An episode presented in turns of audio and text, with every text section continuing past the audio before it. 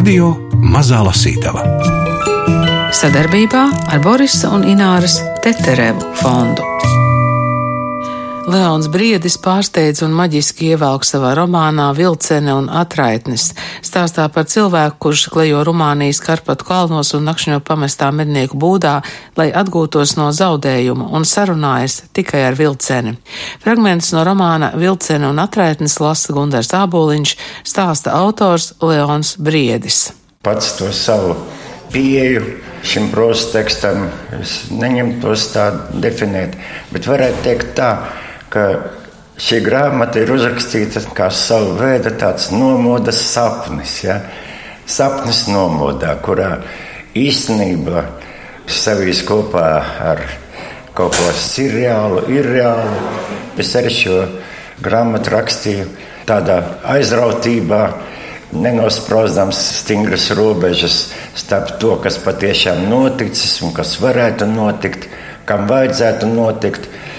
Bet tik un tā šī grāmata balstās uz reāliem pamatiem, reāli darbojušies personāļi, reāli notikumi.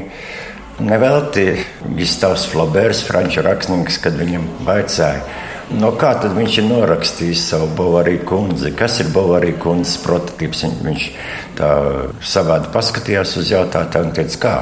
Tas taču esmu es pats. Ja? No kā cita gan es to varētu norakstīt, ja nu no sevis paša, no savas dzīves. Un vienā vārdā varētu teikt, ka viss šajā romānā ir pilnīga taisnība, un viss šajā romānā ir pilnīgi izdomāts. Kad viņš pamodās, pulkstenis rādīja 5 un 40 minūtes. Saule bija uzaususi pirms vairāk nekā stundas. Augošais mēnesis laistījās notuļus. Bija sestdiena, piekdienai izējot. Viņš norausās no lažas un iekāpa sandalēs, jēzenēs. Pustumšajā istabā tīksmi jautās vīstošas madaras saldi rūktenais smārts, kas viņā viesa pacelātu noskaņu. Apmetis ap pleciem sviedroto vietumus ar vakardienas kazanēm notašķīto kreklu, viņš piegāja pie plauktiņa pēc bleķa krūzītes, atrāva vaļā mednieku namiņa durvis un pārkāpa pāri slieksnim. Bija agrs un samērā dzestrs, taču bezgali jauks vasaras vidus rīts. Saule kāpa aizvien augstāk, kalnu galēs pamazām pacēlās augstais gaiss, tās iesila un šurp vēsmoja ielejas brīze. Debesis caur caurēm zilas bez neviena mākonīša. Diena rādās laba viņam iešāvās prātā. Eh, tā tik dzīve vienam pašam kalnos. Viens pats viņš gluži nebija. Viņa pirmīt gulējusi lejā pie pakāpieniem, uzslējās kājās, vieglītēm paviļāja asti un cieši paskatījās uz viņu. Tā vien šķiet, viņas pelēkajā purnā uz brīdi pavīdēja savāds, neizprotams, pat pateicīgs smaids, kas viņu nu dienā izkustināja. No, nu, nu, viņš it kā atvairīdamies izsaucās, iztiksim bez ņuņām. Viņš nokāpa lejā pa pakāpieniem un Tā viņi brīdi stāvēja viens otram pretī teju vai soļu atstatumā. Viņi paklusām ieņarkstējās, šajā ņarkstā jautās kaut kas maigs un mīļš un sievišķīgi padevīgs. Ko? Viņš tīri vai pabrīnījās, atzīsti mani meža laņķīt par savējo, par saimnieku? Kas es tev par saimnieku? Viens no tiem lejas pilsētas švabrakiem, tāds pats mūjābelis kā citi nepievērsis viņai lieku uzmanību, devās garām plūškokam uz strautu. Sveiks, brāl! Viņš nevērīgi uzsauca plūškokam. Man atkal jāatlēj, tas kļūst par rituālu. Viņš pasmējās un no visas sirds izčurājās. Audz liels brāl un neņem galvā. Drīz vien viņš bija gravā pie strauta. Tas ne brīdi nerimās joņot no kalniem lejup uz ielēju. Ej, tu nost! Viņš ar abām plaukstām pa vairāk lāgi izberzējis ar ūdeni vaigus, drebinādamies izsaucās. Ledānais ūdens rīt agrumā šķitās pasakains un dievīgs. Viņš neizturēja un pilnā rīklē ieaurojās: Aleu, aleu, leu, leu, aleu, leu, leu, leu, leu, leu. Sniegotie kalni viņu sveicinot atsaucās: Leu, aleu, leu. Viņš iemērca kreklu ūdenī un labu laiku cītīgi to skaloja, un neņemot talkā pakrastes smiltis bērza. Dažs labs nopēc kā ies kazaņa plankums tiešām kļuva bālāks. Beidzot viņam apnika, un viņš izgriezis kreklu, izklāja to uz palielu šķautņaina akmeņa izžūt saulē. Piepeš atcerējās par ierasto smēķi un no visas sirds nosūkstījās Velns ar ārām! Bez visa, kā cilvēks var iztikt, vienīgi bez smēķa ne. Sasmēla, cik spēja bleķa krūzītē ūdeni, paķēra slapjo kreklu padusē un slāja atpakaļ. Iedams garām plūškokam, uzmeta kreklu uz tā zariem. Viņa vēl aizvien stāvēja kājās un pacietīgi viņu uzmanīja. Tūdaļ meža laņķīt pabrokastošu. Viņš kāpdams augšā pa pakāpieniem noteica vienā rāvienā. Padzēries madara stēju, viņš iznāca uz sliekšņa, lai izlietu no bleķa krūzītes šļūras. Šoreiz stēja šķitās samērā ciešama. Nākošdiena akurāt būs riktīga. Viņš iešķībi pametis acis uz plūškoku sarauc pieri. Labprāt ieņemtu kaut ko kreftīgāku. No taviem brāli ģiptīgajiem augļiem izlaidīšu garu.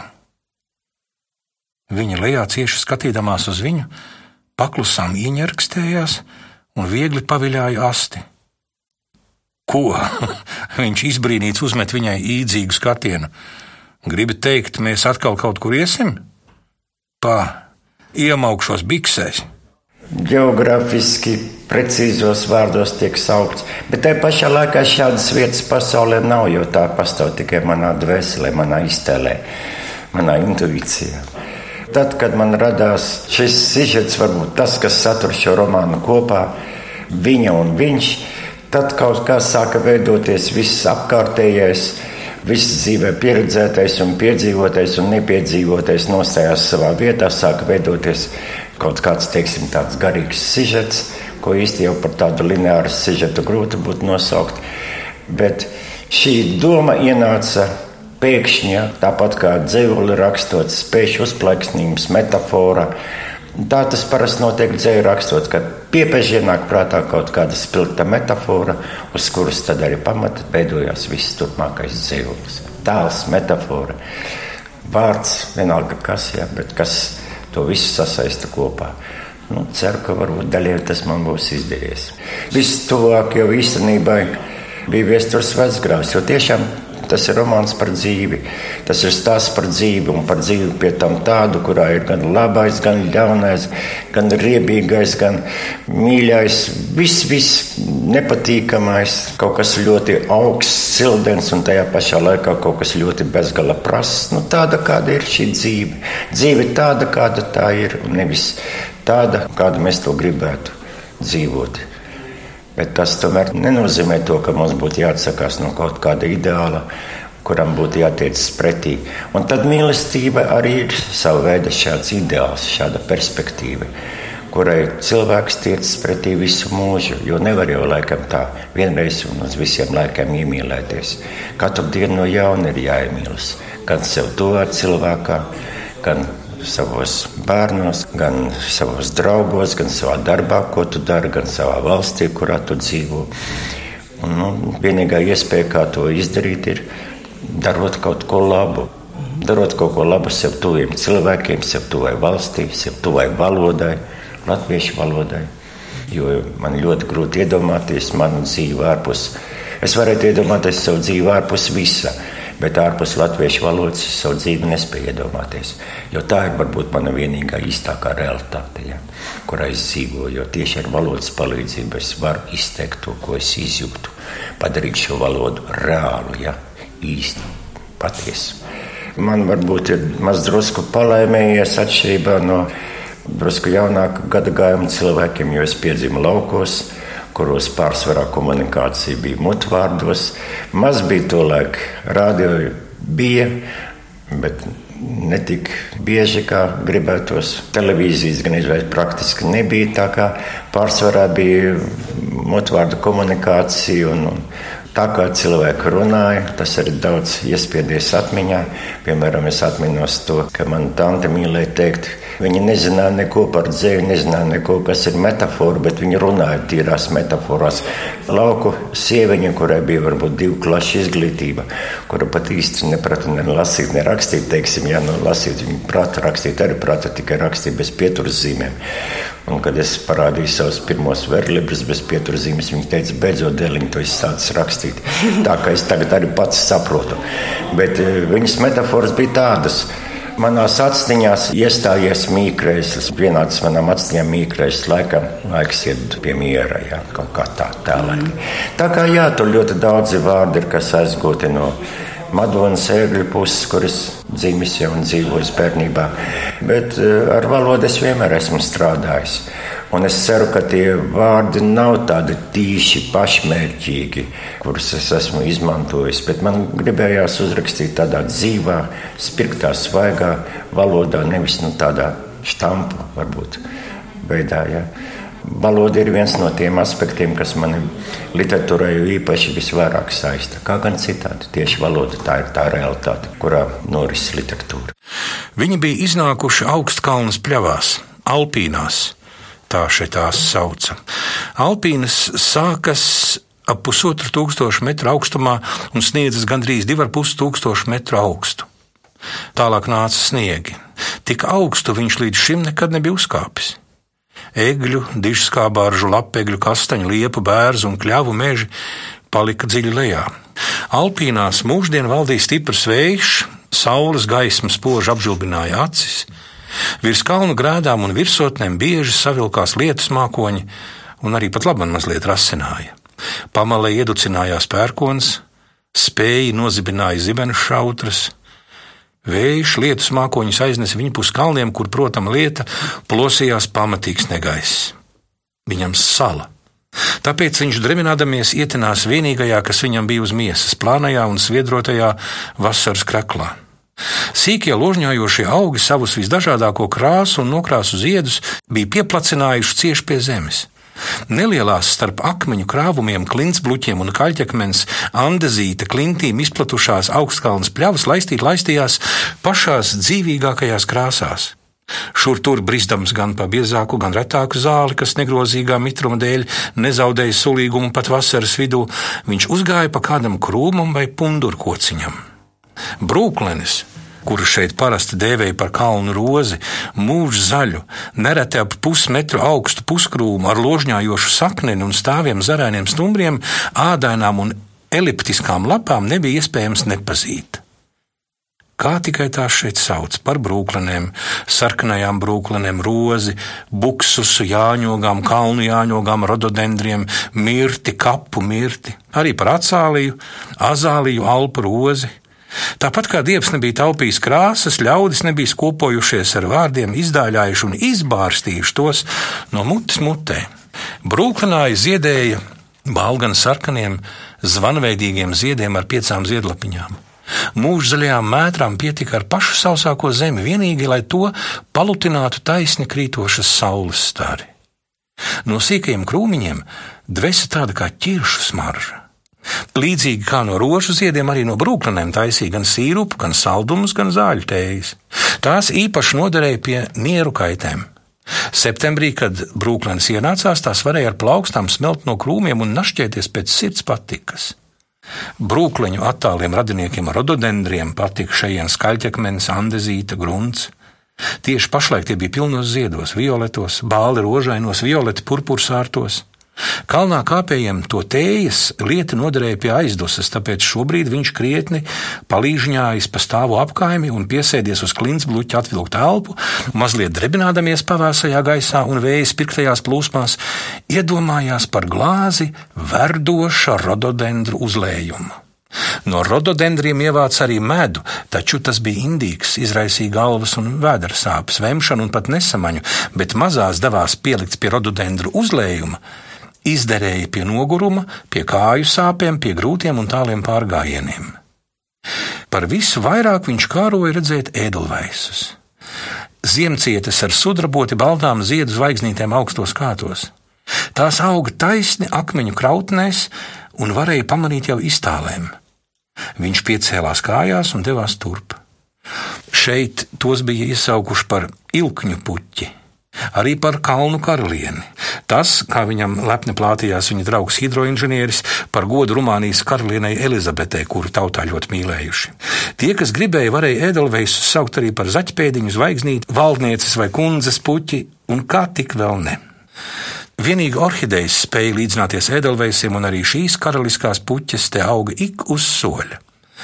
Tanī pašā laikā tās bija vienkāršas un sirsnīgas, Gluži kā ierasts piemājas vai lauku puķis, un arī vietējie tās mīļi brīžiem puspajokam dēvēja par kundzes rītačībām, drošsirdžu asinīm, par dzegušu puķīti, bitīti, dzērvīti, pavisam nešpatni par popa pautiem, jo šī orhideja pasuga nelabi dvakoja vai bullīti, pilskundzīti vai zemenīti. Vējš bija pieņēmies spēkā, un no strauji uznākuša mākoņa sīki norasināja. Tik kalnos, tāpat kā pie jūras, laiks mainās ļoti ātri. Nē, es pieredzēju pie viena, jau pavisam kas cits. Daudz kas viņam šajās augstkalnes pļavās bija zināms no viņa dzimtās puses.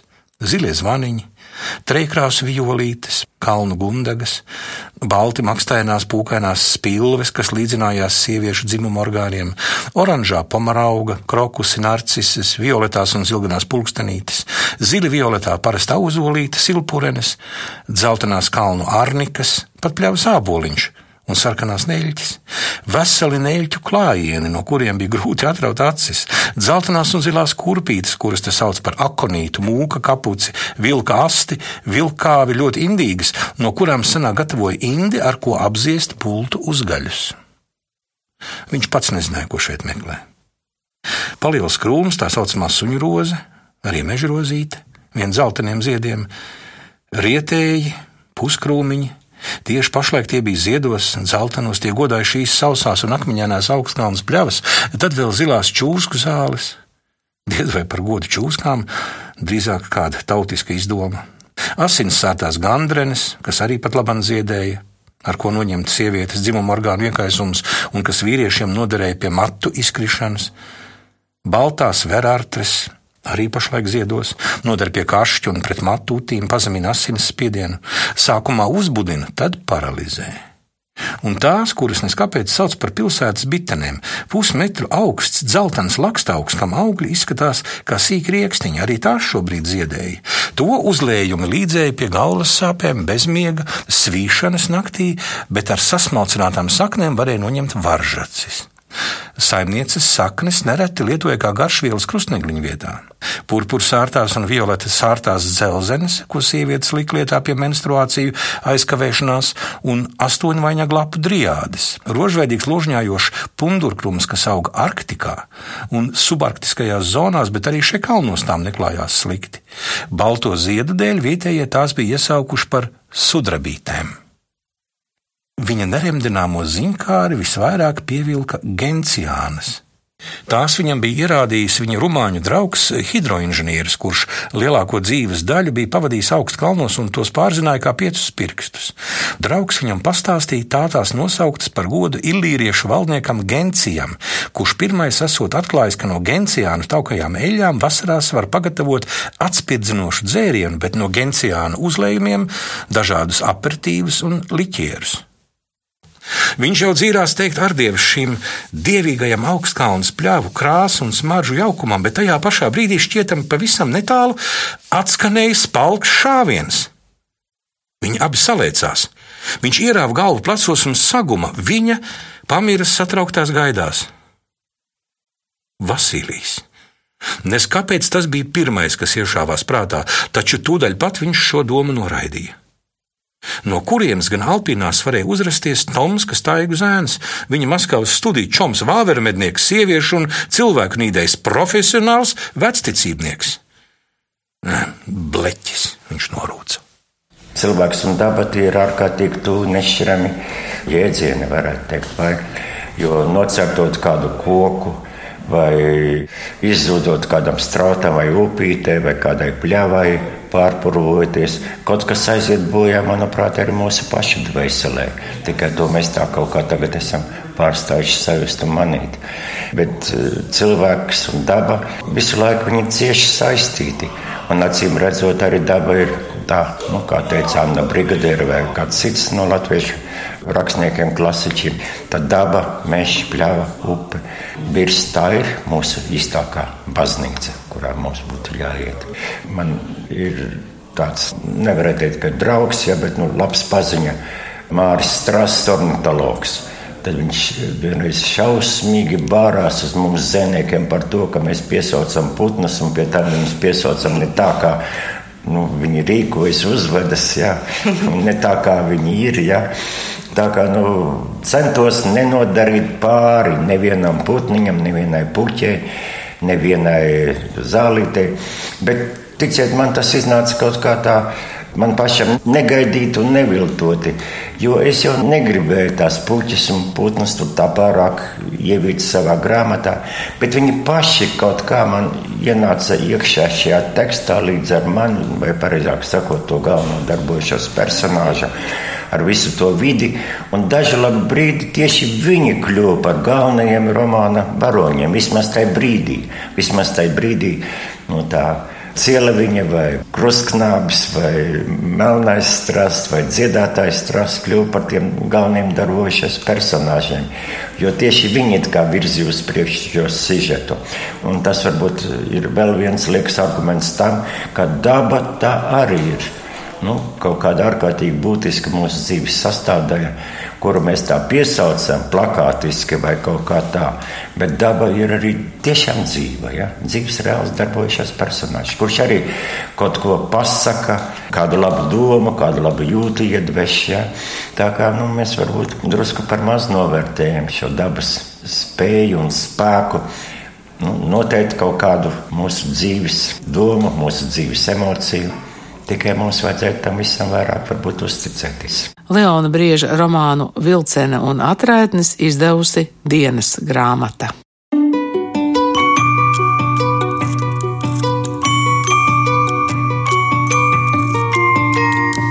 Radio Mazā Lasītava sadarbībā ar Borisa un Ināras Teterevu fondu.